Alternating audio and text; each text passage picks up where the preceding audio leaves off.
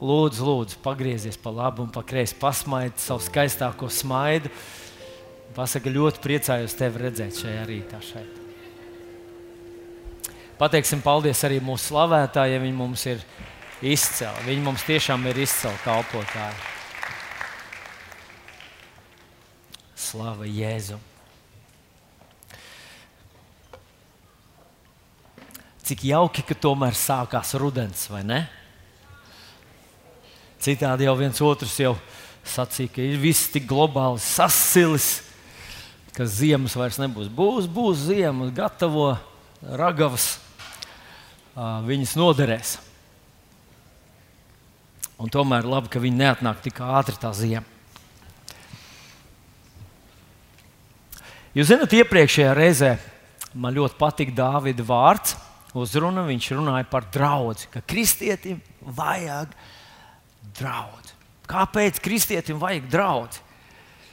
Un, jā, kādreiz, kādreiz mēs to varam nu, mazliet pazaudēt, to domu. Un, un tā kā liekas, nu, nu, jā, nu, tur ir tik daudz dažādu cilvēku. Man jau labāk patīk tāds mazāk draudzīgs, kur es esmu mācītājs un vēl divas um, kundzes. Un, Un tur ir tik personīgi. Tas tā kā mēs gribam bērnu, lai viņš iet klasītē, kur ir tikai trīs bērni un skolotājs. Un mēs domājam, ka tad būs ideāli. Bet, zinot, tie, kas ir laiduši savus bērnus tādās ļoti mazās klasītēs, saka, ka kaut kas bērnam pietrūkst. Spēja komunicēt ar citiem, tādā lielā barā nepazust, savu vietu ieņemt. To var tikai tad, ja apkārt ir daudz cilvēku. Un tu esi svētīts ar to, ka tu esi lielā draudzē. Iebiks vēlreiz tam, kurš sēž te blakus. Tagad es tev esmu blakus par tādu nu, uzmundrinātāju. Jā, jā, jā, jā, tieši tā. Un, zinot, Jēzus ļoti akcentēja to, lai mēs nepaliekam vieni. Nav nekur apsolījums tāds, ka, ja tu būsi viens, Jēzus būs pie tevis. Bet viņš saka, tikko jūs sanākat vairāki kopā, un viņš saka, nu, kā pulcēties kopā, divi un trīs, tad es būšu jūsu vidū.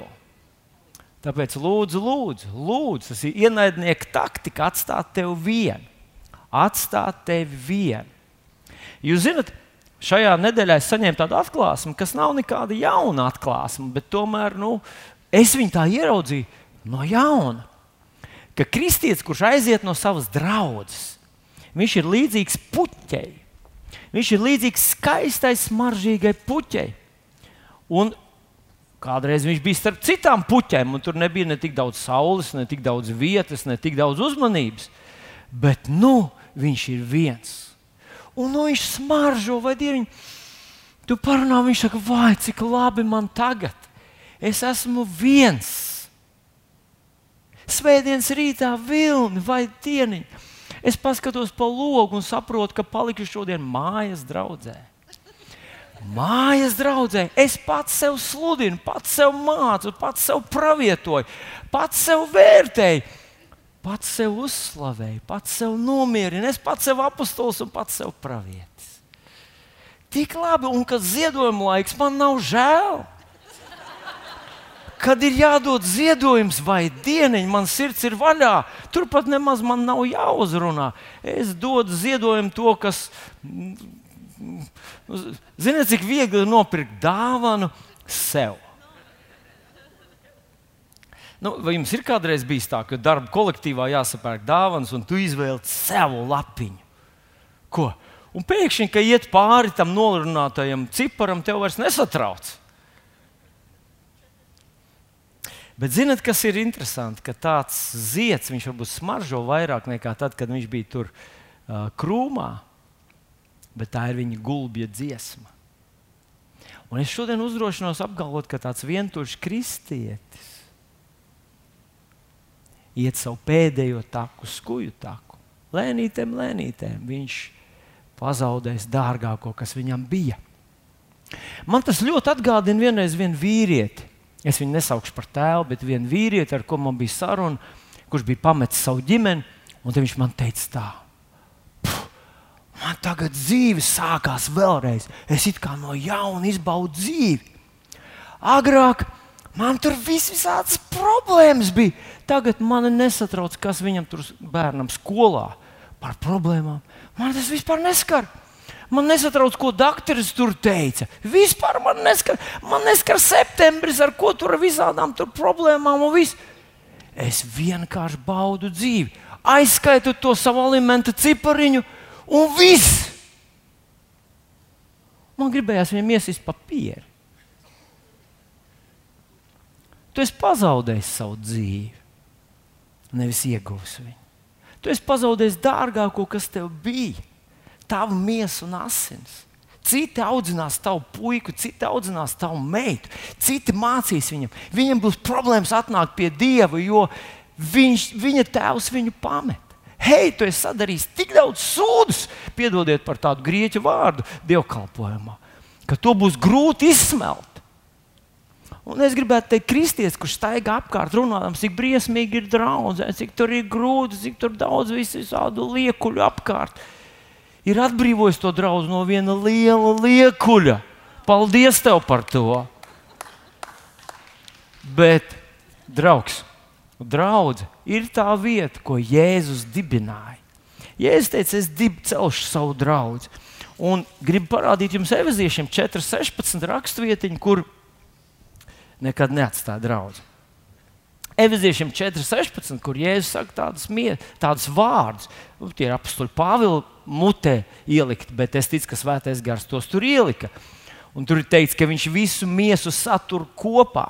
Visādām palīdzīgām saitēm tā ir vienota, pastāvīga auga pēc tām spējām, kas katrai viņas daļai ir dotas, kļūdama aizvien pilnīgāka mīlestībā.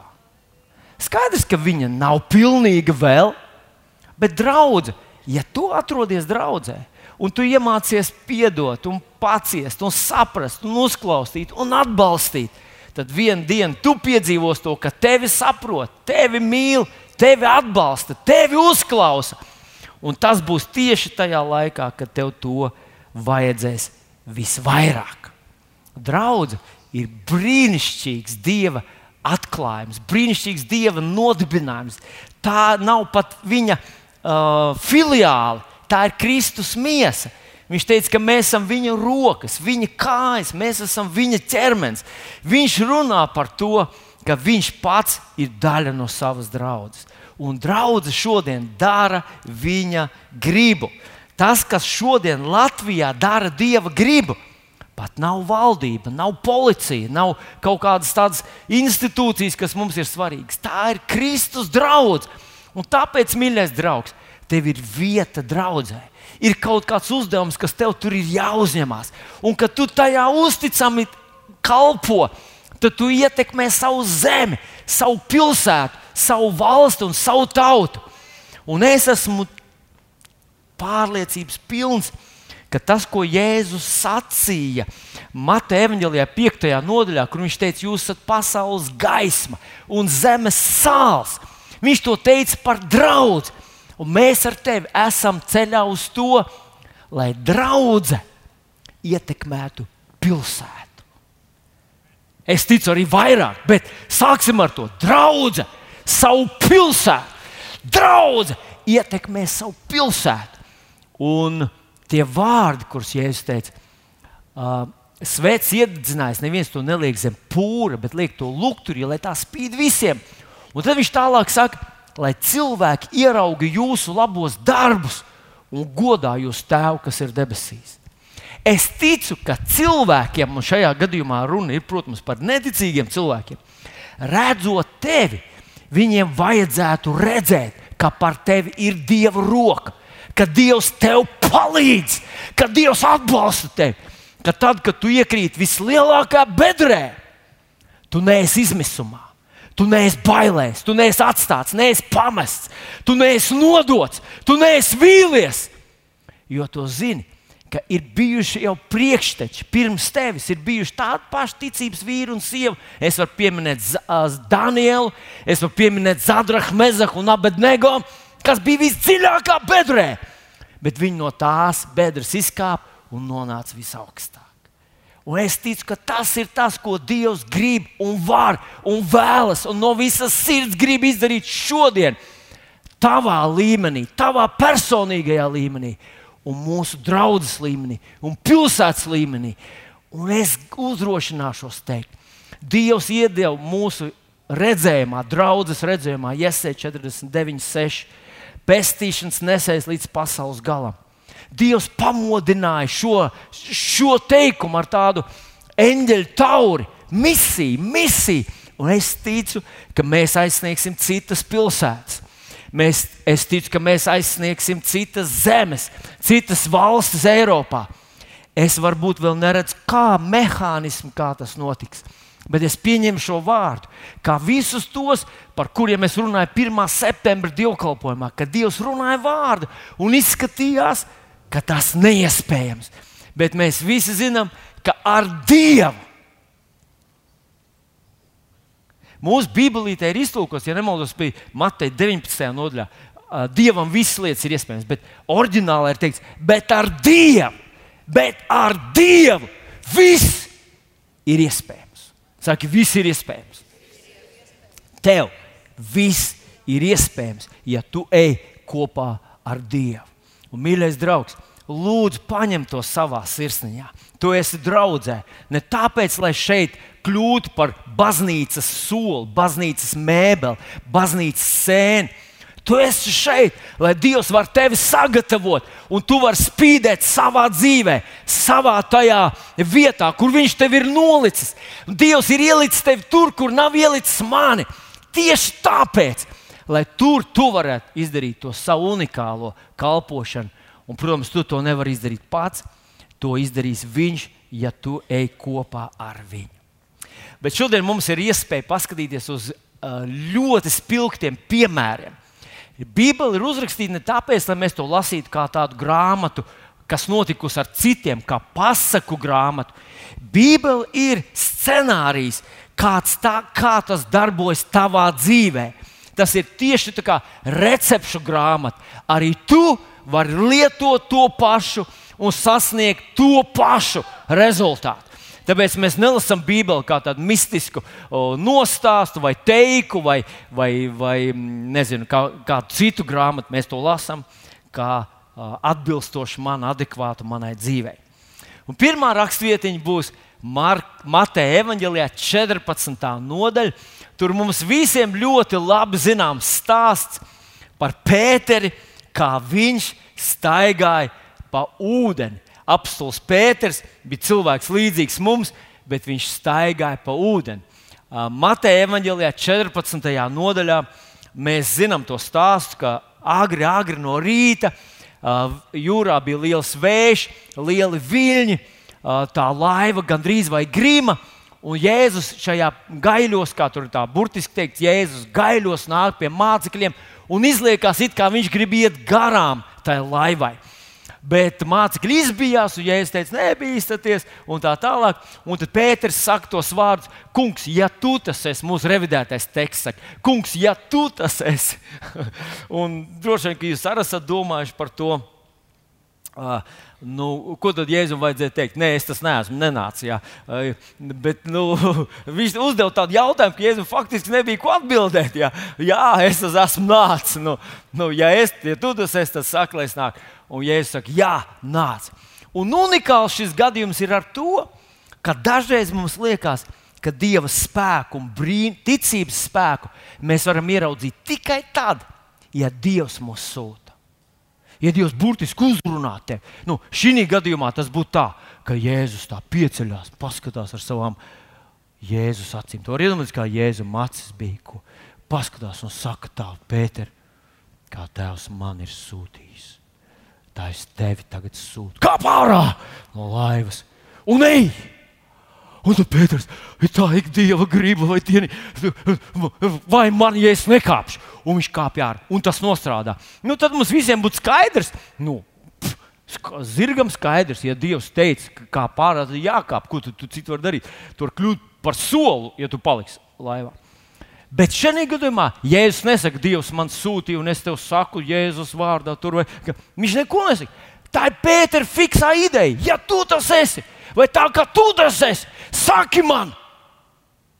Un Jēzus saka, hm? nu nāc! Un Pēters kāpj ārā no laivas. Ūdenī, ūdenī. Viņš iekāpa ūdenī. Nu, palasam. Pēters izkāpa no laivas. Tas nav mans atstāsts, tas ir uzrakstīts Bībelē. Un gāja pa ūdens virsmu. Es vēlreiz izlasīšu to, lai gadījumā, ja kāds nedzirdēja mani. Ja tev tas telefons traucē, izmet viņu ārā vai iesēj jādod tam, kurš blakus tev sēž. Es saku, kur kā reizes. Uh, Atcerieties, kaut kur iesties, ja tev kāja tev apgrēcina, izmet ārā, ja tev roka tev apgrēcina, ja tavs telefons tev apgrēcina, paņem iesēj viņu. Nodar viņam to. Jā. Nu, labi. Tā tad vēlreiz gāja pa ūdens virsmu un nāca pie Jēzus. Tie, kas jūs domājat, ka es visu Bībeli zinu no galvas, varat pienākt pēc dievkalpojuma, izstāstīšu maz noslēpumu. Tātad gāja, nāca pie Jēzus. Un tad Pēters paskatījās apkārt. Lielu vētru redzēdams, viņš izbijās un sāka grimt, un viņš brēca un sacīja: Kungs, palīdzi man! Un tūdaļ roku izstieps, Jēzus viņu satvēra. Jēzus viņu satvēra. Dažreiz mums liekas, ka Jēzus saka, ka tu neticēji, nespēji ticēt. Nu, peldi. Nē, zinot, pat tad, kad mēs izgāžamies savā ticībā, kad tu izgāzies savā ticībā, Jēzum, tu esi svarīgāks nekā tavs ticības rādītāji, tavs svētuma rādītāji, tavs ziedošanas rādītāji, tavs kalpošanas rādītāji. Tavu, nu, Valters ļoti grib, lai mēs visi esam, nu, un viņš zina, jo, jo viņš to no, no savas pieredzes saka, ka tu esi slavējis to kungu, tavs sirds ir vaļā. Ja tu esi tā vērojis, ka kāds cits slavē, tur nav apsolījumu. Ja tu slavē to kungu, tad tā kunga tronis ir tavās slavas dziesmās. Ja tu vēro, kā cits slavē, nu, tur nav tāda apsolījuma. Viņš grib, lai Dieva trons ir tavā dzīvē. Un viņš saka, tev, bet Jēzus, pat ja tu vienkārši nostāvēji, knapi nostāvēji slavēšanu, vai pat nosēdēji, un tagad tu slīkst un saki, Jēzus, palīdz man, ko viņš darīs? Ko viņš darīs? Viņš tev satvers, protams, viņš mīl tevi. Ļoti, ļoti mīl tevi. Tātad, un Jēzus roku izstieps, satvēra un sacīja viņam, masticīgais, kāpēc tu šaubījies? Marka Evanģelija 14. nodaļa. Masticīgais, kāpēc tu šaubījies? Tā pirmā lieta, ko es gribu izcelt no tā visa, ka Jēzus saka viņam, mazticīgais. Tas nozīmē, ka Pēterim bija maza ticība. Jūs zināt, ja viņš šeit būtu sacījis, nu, Pēter, šitādu pat romiešu virsnieks nevar ar tevi salīdzināties. Kas par ticību? Turpmāk es tevi saukšu lielā Pētera ticība. Ja jums būtu tāda liela Pētera, Pētera ticība, jūs varētu staigāt pa ūdeni. Bet viņš saka, paldies, viņš saka, maza ticība. Tas nozīmē, ka man ar tevi, mums ir, ne, ne, nu, tev, protams, ir lielāka ticība, bet es saku par sevi, arī man ir cerība. Jo es nedomāju, ka man ticība ir gigantiska šī mazā ticība, paklausies vēlreiz, mazā ticība ļāva Pēterim iet pa ūdens virsmu. Wow! Mazā ticība. Paklausies, Vāns varbūt arī tev čuks un saka, hei, tev maza ticība. Tu vispār neko daudz nesaproti, tev ticība tā kā sinepa graudiņš ir. Saka viņš tev tā? Paklausieties, kādus brīnumus var darīt maza ticība. Pēterim bija maza ticība, un viņš iet pa ūdens virsmu. Tā kā es eju šeit, es skanēju arī droši vien līdzīgi. Pēters liek kāju ūdenī, bum, bum, bum, bum. Vai šļakats gāja uz visām pusēm. Un viņš iet pa ūdens virsmu. Maza ticība nav spriedums, tā nav diagnoze, tas nav bezcerības vēsts. Maza ticība nozīmē, ka, tā, ka tev ir resursi, lai sasniegtu savā dzīvē brīnumainas lietas. Ka Dievam tu esi dārgs un ka Dievs uzdrošinājās. Redz, ja Pē, Jēzus zinot, ka Pēterim bija maz ticība, un es, mēs secinām, ka viņš zināja, Ja viņš nebūtu spējīgs ar savu mazo ticību izdzīvot tur tajā ūdenī, Pēters Jēzus uzreiz būtu teicis, Pēter, Pēter, ne tagad. Pēc 50 gadiem, pēc 5, kad tev būs 70, tad vēlreiz paprasti man šo jautājumu. Bet viņš to sacīja tagad, ar visu to, ka viņam bija bāzes ticība. Viņš bija iepriekšējā svētdienā pieņēmis jēzu par savu kungu. Viņš bija uz vienu nodarbību tikai aizgājis. Es nu, modelēju mūsu ar tevi situāciju, vai ne? Un jēzus vienalga viņam saka, nāc! Es uzdrošinos apgalvot, ka Jēzus šodien saka tev, visās tās tavās sarežģītajās situācijās, kurās tu esi, viņš nesaka, vēl pacieties, vēl pagaidi, ne tagad, ne šodien. Nevar motivēt tev ticību, to ir. Nē, viņš saka, tava ticība, tava mazā ticība ir gana stipra, piedodiet, tava ticība ir gana stipra, lai tu ietu pa ūdeni. Bet ko tad vēl Jēzus viņam saka? Jēzus viņam saka, kādēļ tu, kādēļ tu šaubījies? Kādēļ tu šaubījies? Jēzus saka. Ziniet, ko Jēzus mums faktiski šeit saka? Ka iemesls, kāpēc Pēters slīka, bija šaubas vai neticība. Tas nebija tāpēc, ka ticība viņu pievīla. Jūs zināt, Paklausieties, draugi! Es esmu to redzējis atkal un atkal un atkal. Un jāsaka, ka savā dzīvē es arī esmu to baudījis un redzējis, ka tu nonāc kaut kādā tādā vietā, kur tev ir sarežģīta situācija, un tu sāc lietot ticību, un uz brīdi paliek labāk. Tu jūties labāk, tu aiz analīzes nodot, ir labāk. Doktoram Un doktors pats saka, o, ziniet, jā, ir labāk. Un pēc tam paliek atkal sliktāk. Un tu sāc domāt, ah, man ir vai nu maz ticība, pārāk maz ticība, vai ticība nedarbojas. Un ir gadījumi, kad cilvēki vienkārši šo apstākļu dēļ izmet ārā savu ticību un pārstāj ticēt. Un vienkārši dzīvo, nu, kā Dievs gribēs, tā būs. Es esmu saskāries ar cilvēkiem, kam ir dzīves garumā, viņi ir pavadījuši Bībeli, dzīves garumā viņi pavadījuši eh, dievkalpojumā. Veselu dzīvi viņi ir sēdējuši un lasījuši Bībeli. Un tad viņi neko negaida, ne ar ko nerēķinās, neko necer. Viņi vienkārši saka, nu, kā Dievs gribēs, tā notiks.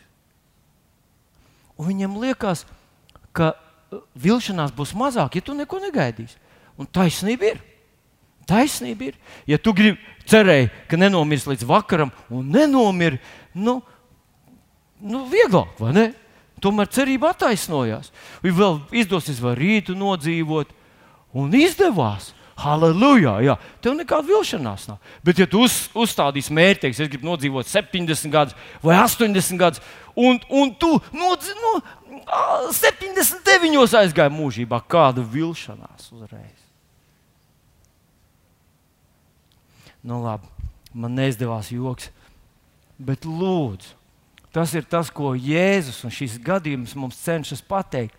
Neatmet savu ticību, neatmet savu ticības drosmi. Tā strādā. Tā strādā. Bet viņš saka vēl kādu lietu. Viņš saka, redz, šaubas, Pēters šaubas. Nu, es gribētu šodien ar jums padomāt, kāpēc Pēters šaubījās. Ko? Kāpēc Pēters sāka šaubīties? Un sāka šaubīties tad, kad viņš stāvēja uz ūdens un skatījās, ka ticība darbojas. Kāpēc viņš sāka šaubīties? Un es jums šodien paskaidrošu, kāpēc viņš sāka šaubīties. Viņš sāka šaubīties tāpēc, ka Pēterī, iekšā Pēterī bija profesionāls ūdens pazinējs. Viņš bija uzaugusi pie tā ģenēcijas ezera. Viņš bija palīdzējis savam vectēvam tīklus vilkt ārā un krāpēt iekšā un mazgāt un tīrīt. Viņš bija eh, strādājis blakus ar savu tēvu. Viņš zināja visu par ģenēcijas ezeru, par zivīm un par ūdeni. Un tad, Kad pirmā nostrādāja ticība, Jēzus teica, nāc, un ticība, pirmā ticības balss teica, Jā, Jēzus sacīja, Jēzus, kungu kungs un ķēniņš, ķēniņš sacīja, nāc. Viņš teica, ka mēs varam iet pūdeni. Viņš teica, ka viņš to var, dara. Un viņš teica, ka mēs, ja mēs viņam ticam, arī mēs varam darīt šīs pašas lietas. Ejam! Pēters izlaiž ārā no ūdens. Atcerieties, viņš bija fiks puika. Viņš izlaiž ārā no ūdens, bet tad pamodās zinātniskā pētnieciskā laboratorija, kas ir viņa galvā. Un visi tie gadu desmitos uzkrātie secinājumi un slēdzieni sāka darboties. Un tad, kad viņš atradās tur uz ūdens, viņā parādījās doma, ka tas nav iespējams. Ziniet, mums ir tāds teiciens, iekniebiet mani. Jo tas, tas nav iespējams. Tas, kas šobrīd notiek, nav iespējams. Tā nenotiek. Tā nav realitāte. Un šis viedoklis par to, ka tur rakstīs tādos viļņos, tādā vētrā, pat zivīm jūras slimība piemetās. Tur apakšā kurkuļi visi vēmi šobrīd, un tu iedomājies, ka tu tagad staigā pa ūdeni. Tas nav iespējams. Un šīs šaubas Viņām bija tāda autoritāte Pētera dvēselē, tāda autoritāte bija šai zinātniski pētnieciskai laboratorijai, kas viņam teica, ka pat ja tā izskatās, tā nav. Tas izraisīja un atņēma ticībai spēku. Maza ticība var darīt brīnumainas lietas. Šajā rītā mēs gribam jums parādīt tādu nelielu ilustrāciju. Jo kādreiz no maniem vārdiem, man par cik ar dikciju arī nevisai labi veicās, kādreiz, kad tu redzi to, tas palīdz labāk to saprast. Un, protams, mums priekš tam ir vajadzīgs kaut kāds liels kalns. Jo, ja es teicu, ka maza ticība var pārvērst, pār, mm, virzīt kalnus, tad mums tūlīt atnesīs kalnu šeit, uzliks uz, uz platformas. Zināt, mūsu kārtībnieki nav viegli būt par kārtībnieku, jo tev vajag tādu ticību, lai tu varētu kalnus pārcelt. Un viens no tiem, redz, kur ir nāk jau viens, jūs to redzēsiet, vīri, kurš nes divus kalnus. Nu, tas ir vismaz no Alpiem kaut, kād, kaut kāds. Bet vēl mazliet padomājiet, draugi. Jēzus teica, ka ticība pārvieto kalnus. Ja viņš būtu teicis pārvieto krūmus, puķis, tas viss nu, būtu nozīmīgi. Bet viņš sacīja par kalniem. Cik es zinu, kalni nav cilvēku roku darbs. Izņemot, tur Vēnspīlī ir viens kalns, kas ir cilvēku roku darbs. Pareizi. Bet tas tāds kalnelis, jā, to nosaukt par kalnu nevar. Nu, lūk, kalni brīžiem šķiet, ka kalni ir dieva pirksts. Ja tas būtu cilvēku pirksts, tad ticu, ka vismaz viens kalnelis mums arī Latvijā būtu. Latviešiem kaut kādai balsī vajadzēja tur būt, bet mums nav neviena. Tā kā, tas ir Dieva pirks, un Jēzus teica, ka tava ticība spēja pārvietot kalnus. Un, protams, ka mums vajag tādu vienu ticības vīru, kur mēs varētu dabūt vienu ticības vīru. Ah, reku viens nāk, nu ļoti labi, nāc šurp. Nāc šurp, mums ir viens ticības vīrs. Atcerieties, bija runa, bija runa par mazu ticību. Kā jūs domājat, vai šī mazā ticība spēja pārvietot šo lielo kalnu? Uzticieties Jēzus vārdiem. Nu, pamēģināsim, ticību, vai tu vari to kalnu pārvietot uz priekšu. Oh!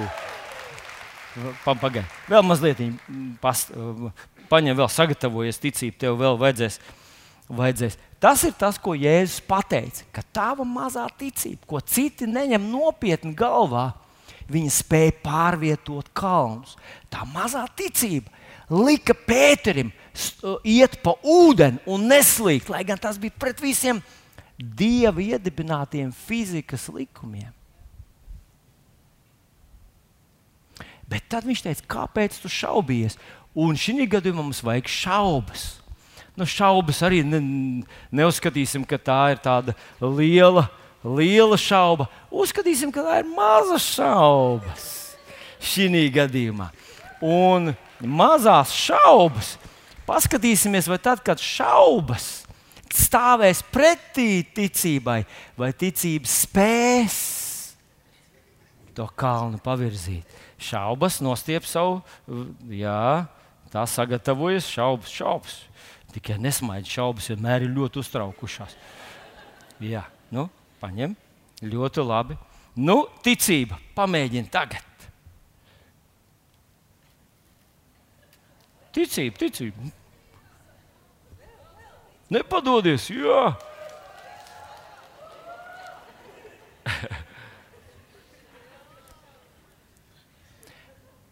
Paldies jums, paldies jums. Jūs esat perfekti. Panākat šo tagad.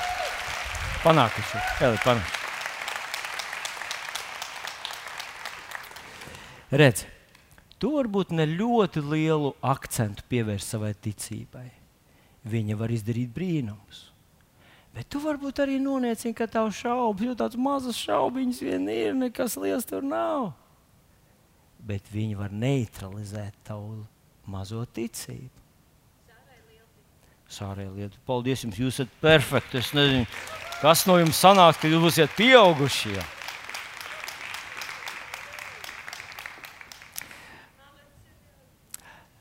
Maza ticība strādā, bet arī šaubas strādā. Un paskatieties, mīļie draugi, Mateja evanģelijā, 21. nodaļā. Tā ir tā raksturvietiņa, kur mēs parasti lasām, runājot par par ticības spēku. Jēzus saka tā, Matei 21, 21.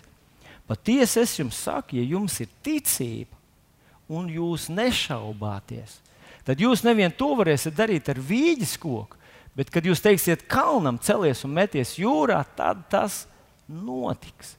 Viņš šeit runā par reālu ticības spēku. Bet mēs parasti pievēršam uzmanību tam, ka tev ir ticība un tu runā. Tev ir ticība, un tu runā. Bet ievēro, ka Jēzus šeit saka, jūs nešaubāties. Nešaubāties. Pēters bija profesionālis jūras lietās, ūdens lietās. Un tas nostrādāja pret viņu. It kā tās zināšanas, kuras viņam palīdzēja viņa ikdienā, viņa tajā loģiskajā realitātē, Tad, kad iesaistījās garīgas lietas, tās nostrādāja pret, viņas dabīgās zināšanas nostrādāja pret. Tāpēc kādreiz cilvēki runā, ka doktoram ir ļoti grūti saņemt dziedināšanu. Kāpēc? Pat ja viņš sācis iet ticības ceļu, uzticēties Dievam un apliecināt, ka Jēzus brūcēs, viņam ir dziedināšana, viņā mostās šī zinātniskā balss tā, kas izlasījusi simtiem grāmatas, ir redzējuši savā pieredzē vis visādas lietas. Un pat ja tas notiek uz mirkli, ir labāk. Cilvēks domā, jā, nu, bet ilgi jau tas nebūs, jo tur taču viņš zina precīzi, kas notiek viņa ķermenī. Un ļoti grūti tai ticībai izdarīt to savu rezultātu, ja ir tik cienījamas, un tik spēcīgas un tik respektablas šaubas. Labi, atstāsim mierā ūdens pro profesionāļus un, un doktorus. Es esmu drošs, ka kaut kādā jomā tu esi profesionāls. Un visdrīzāk tieši tajā jomā, kurā tev ir tas lielais izaicinājums. Varbūt tā ir ekonomika, un tu zini, ka tas tā nenotiek, tā nevar notikt, tā nemēdz notikt, un tā tālāk. Tā vienkārši nevar būt. Un tu no vienas puses saņem vārdu no Dieva, ka tas notiks, bet tevī strādā šī šaubu balss, neticības balss, kas saka, nebūs nekā. Tad tas ir tas, kas var neutralizēt to tavu ticību. Tas ir bēdīgi. Ticība ir brīnišķīga, viņa strādā. Bet, ja mūsos ir tās šaubas, un tieši tai tavā jomā, un tāpēc Es vienreiz dzirdēju tādu, tādu labu teicienu, kad kāds cilvēks uzzināja, ka viņam ir kāda nopietna, uh, nopietna lieta, un, un otrs piedāvāja viņam, zina, man ir savākt visu kaut kādu materiālu tieši par šo problēmu. Viņš teica, nē, nē, ar to man jau tāpat jau ir problēmas. Es gribētu uzzināt un dzirdēt tos cilvēkus, kas ar to ir tikuši galā. Dzirdēt viņu liecības, kā viņi lūdz, kā tas notika, kā tas izmainījās, ko viņi jūta vai nejūta. Es gribu barot savu ticību. nevis barot savus šaubas un savu neticību. Ja jūs nešaubīsieties, Jēzus saka, uh, un es gribētu, mīļais draugs, lai mēs ar tevi šodien izdarām divus secinājumus. Un tas pirmais secinājums - lieto savu ticību, viņa strādā. Ja tev Dievs ir devis vārdu, viņa strādā.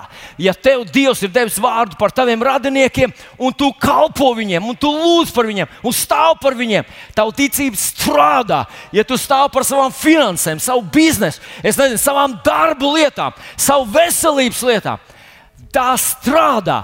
Pat ja tev ir sajūta, pat ja tev ir sajūta, ka ne jau Dievs to teica, Tu to tā kā izvēlējies, tu to sagribēji.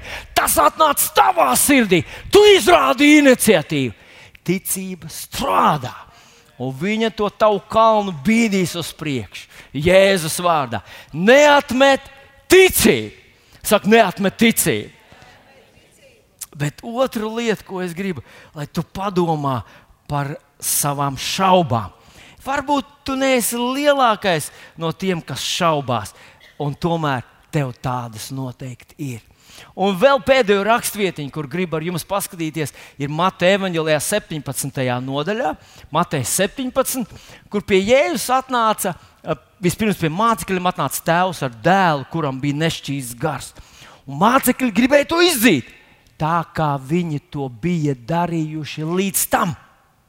Viņi bija redzējuši šos rezultātus, un viņi gribēja izdarīt tā kā vienmēr bet tas nenostrādāja. Viņi nevarēja, tas tēvs saka. Un pēc tam mācekļi atsevišķi jautāja Jēzum, kāpēc mēs nevarējām to izdarīt? Kāpēc? Es redzēju vienu cilvēku, kuram nostrādāja viņa ticība par finansēm, piemēram.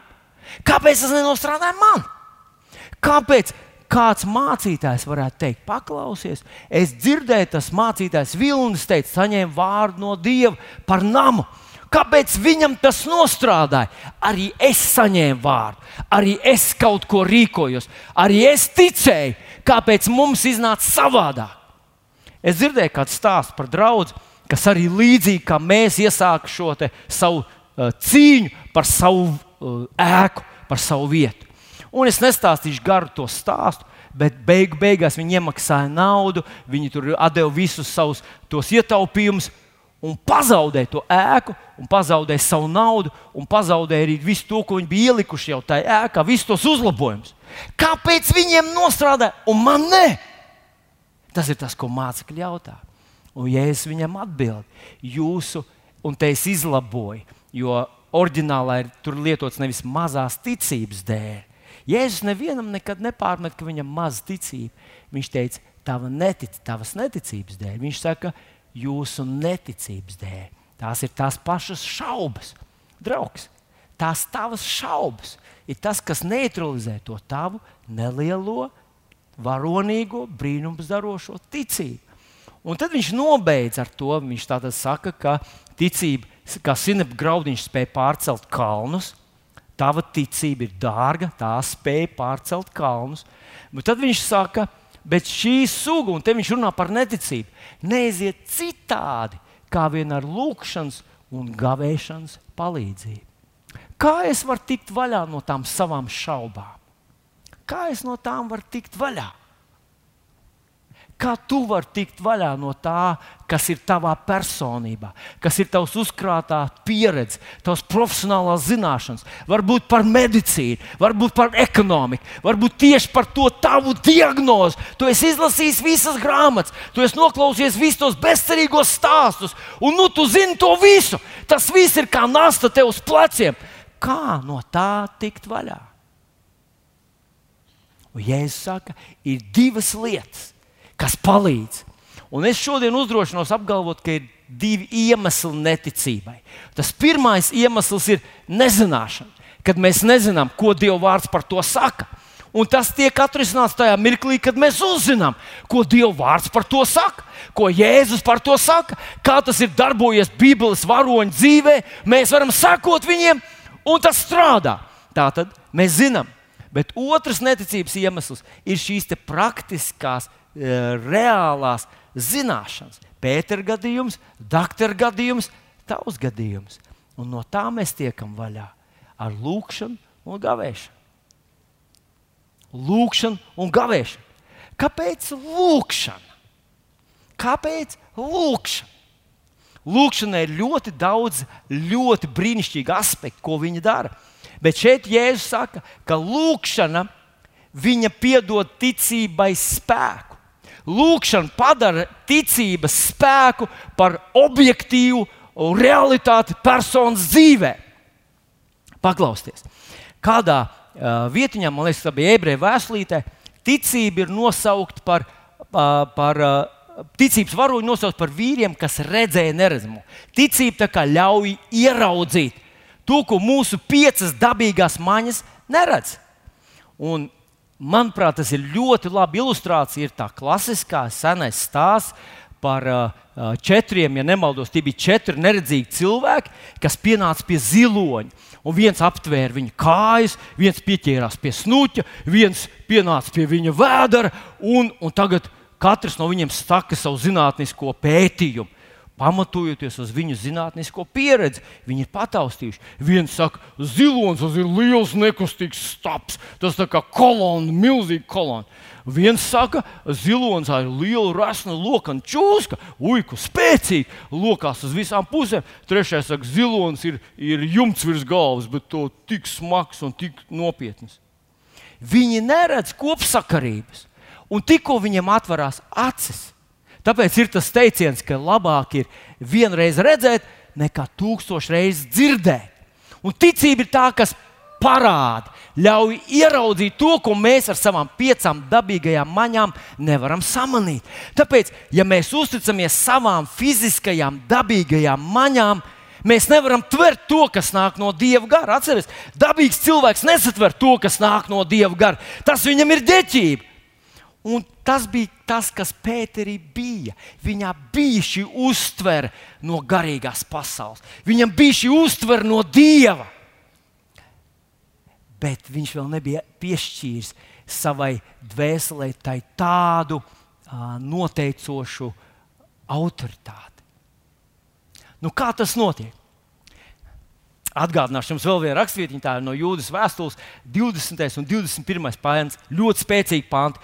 Bet 20. pāns saka tā, tad nu jūs mīļotie, stiprinādamies visu svētākajā ticībā, lūdziet Dievu svētajā garā.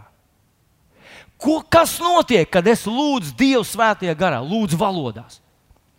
Es stiprinu šo informāciju, kas nāk no, no, no svētā gara. Es lūdzu, kā svētais gars man dod. Un, ja tās nav vienkārši tādas pieklājības, svešvalodas frāzītes, lai vienkārši visi zinātu, ka es esmu no vasaras svētku draugs, esmu saņēmis svēto garu, ja tā ir patiesi dziļa, um, sistemātiska lūkšana garā, tu tā pierodi pie informācijas, kur tu saņem no svētā gara, ka tā, tas kļūst priekš tevis ļoti uzticams informācijas avots.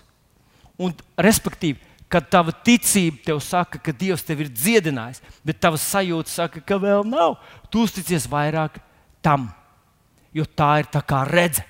Tā ir ieņēmusi redzes funkciju. Tu satausi vienu, sasmaržo vienu, bet kad tikko tu ieraugi, tā viss ir skaidrs.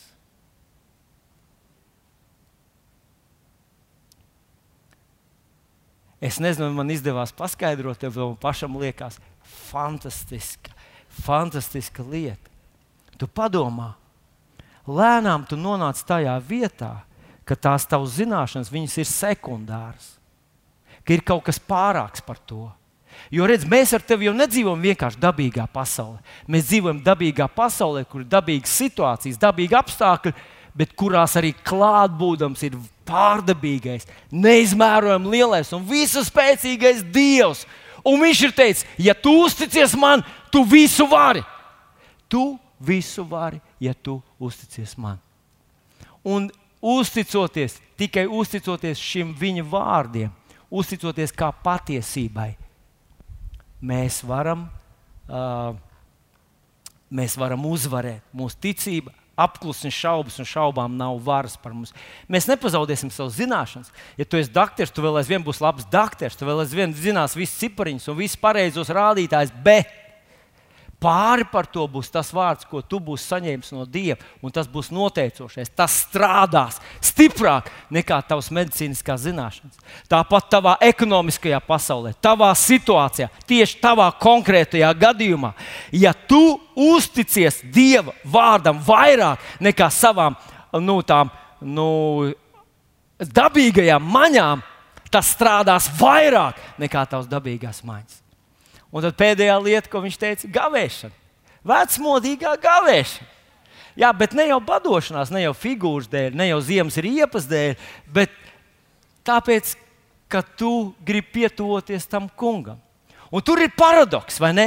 Jo tad, kad mēs nēdam, mēs gribam būt bēdīgi. Mūsu miesa ir stresā, viņa saka, ārprāts, kas notiek, kā tā vispār drīkst, nerūpējas vairs par cilvēkiem. Nu, um, tu vispār uh, zini, ko tu dari. Nu, vismaz mana miesa.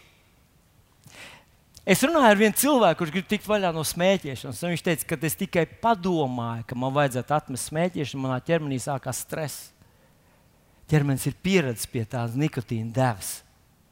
Un tieši tāpat, kad mēs padomājam par gavēšanu, kad mēs gavēsim to uh, gavēsim, lai būtu tuvāk tam kungam, mūsu ķermenis saka, ah! Ah! Ah! Tu vari tā izdarīt. Ah! Bet, je, bet Jēzus, kad jūs gavējat, neesiet saīguši. Viņš teica, esiet priecīgi, esiet līgsmi. Kas notiek? Pēkšņi tās objektīvās ķermeņa balss, tā visa mūsu būtības, tās pašas svarīgākās, tās pašas, nu, kā lai pasakā, nozīmīgākās uh, argumenti vairs nav pareizi. Mēs it kā piešķiram augstāko vērtību kaut kam pārākam, tas tā tiešām ir. Un es esmu pārliecināts, ka tas liek tai šaubām palikt, zaudēt spēku. Viņas turpat ir, bet viņu balstiņa tā kā apsadzirdama. Un ticībai liek iegūt jaunas muskuļus un varenību, un viņu, viņu var paņemt. Un, un tāpēc Ir redzēts, viens doktors saka, cīnās. Viņš nekādīgi nevar saņemt. Es zinu, kas tur notiek. Visi esmu redzējis to.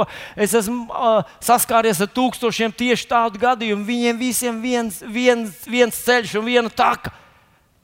Un cits doktors arī zina to pašu informāciju, bet viņam ir viegli uzticēties Dievam un viegli saņemt dziedināšanu priekš sevis. Kāpēc? Jo viņš ir piekopis šīs divas lietas - regulāri lūkšana dzīve pieradina tevi, trenē tevi. Vai kā ebreju vēstulītē 5.14 saka, pieaugušiem pienākas stipra barība, tas ir jaunais tulkojums, jo viņi ir ievingrinājuši savus dvēseles, ievingrinājuši savus maņas orgānus, uztvert ticības balsi un respektēt to. Tas neatnāk vienā vakarā, vienā stundā, vienā dievkalpojumā. Tas nāk, kad tu to re, uh, tu ietrenē sevi tu sevi uh, ieradini tajam, tajā. Tu tajā, uh, nu, kā lai pasakā, iemācies pastāvēt un respektēt Dievu vārdu un ticību. Mīļais draugs, es gribētu šodien aicināt tevi uz divām lietām. Tā pirmā lieta vērtē savu ticību, lieto to, darbini to, pa kreisi un pa labi. Šādā un tādā situācijā, attiecībās uz saviem bērniem, uz savu darbu, uz savu karjeru, uz savu veselību. Kad tu runā par sevi, domā par sevi, kad tu centies saprast, kas tev notiek vēdā vai galvā, vai kas, kas notiek ar tavām acīm, vai smadzenēm, nierēm, vai kuģi, vai zarnām, vai vienalga, kas tur ir. Vienmēr runā ticības vārdus. Lieto savu bērnišķīgo ticību, viņa noturēs tevi virs ūdens, pat kad visi citi slīks. Tas ir numur viens. Otrs ir. Es gribētu, ka tu atgrieztos pie tās vecmodīgās lūkšanas dzīves, ka tu no rīta parunā ar to kungu. Ziniet, es jums pateikšu vienu ļoti spēcīgu argumentu. Un tas arguments ir tāds, viens vīrs bija uzlīmējis sev uz mašīnas tādu uzlīmi, un tās, uz tās uzlīmes bija rakstīts tāds vārds: Dievs ir, es ar viņu šorīt runāju. Ja tu ar Dievu runāsi, Dievs priekš tevis būs. Ja tu to dari no nedēļas uz nedēļu, ja tu to dari tikai tad, kad ūdens sāk smelties mutē, tev radīsies jautājums, vai Dievs vispār ir vai nav. Bet, ja tava lūkšana dzīve ir aktīva, ja tā ir, ja tā ir nu, kā lai pasakā, tu, tu jūti, kas svētais gars tev vada. Un vislabāk, tad, kad tas nav stresa situācijā, kad tas ir mierīgi, tu lūdz par kādu, un tu jūti, ka svētais gars tev, tev valodiņa bija kaut kā tāda virspusēja, un pēkšņi tu jūti, ka viņš tev ved dziļāk, un kaut kāds vaidi, un kaut kas tur iekšā notiek. Kā jūs kādreiz redzat, līgu lūkšanās, kad viņi to dara. Viņi tur, viņi tur. Ziniet, tas neatnāca tā vienkārši. Viņi tādu, viņi tādu emocionāli, viņi tur ko tur. Nē, tas atnāk no gadu sadarbības ar Svēto garu ka tu jūti informāciju, kur te nāk no svētā gara. Tā priekš tevis atveras jauna pasaule, un priekš viņas Dievs ir, svētais gars ir, Dieva darbi ir reāli. Viņi ar tiem nodarbojas katru dienu. Tāpēc kristietība nav kaut kas, ko tu darīsi pēc nāves. Kurā baznīcā tu esi bijis bērnībā, kur tevi aplēja ar ūdeni vai ierakstīja savos ruļļos. Kristietība ir dzīves attiecības ar tavu debesu tēvu. Un viņš priekš tevis ir, ir, jo tur viņi runāja. Šorīt viņš tev teica, viņš tev vadīja lūgšanā, svētais gars ir pie tevis. Tas pats brīnišķīgais svētais gars, kas uzcēla jēzu no miroņiem. Un tad vēl tie gavēņi, atcerieties, tie gavēņi, ko? Tie brīnišķīgie gavēņi, kad iekšā viss griežās, bet tu slavēji to kungu. Ugh, šaubām, tas ir sēru laiks.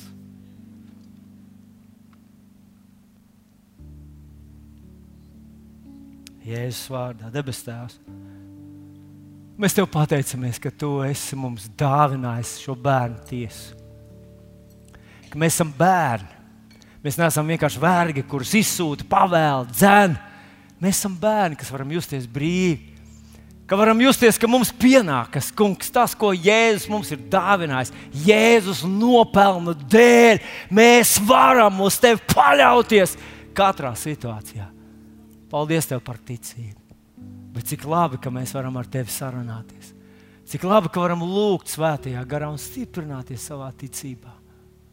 Cik labi, ka mēs arī varam gavēt.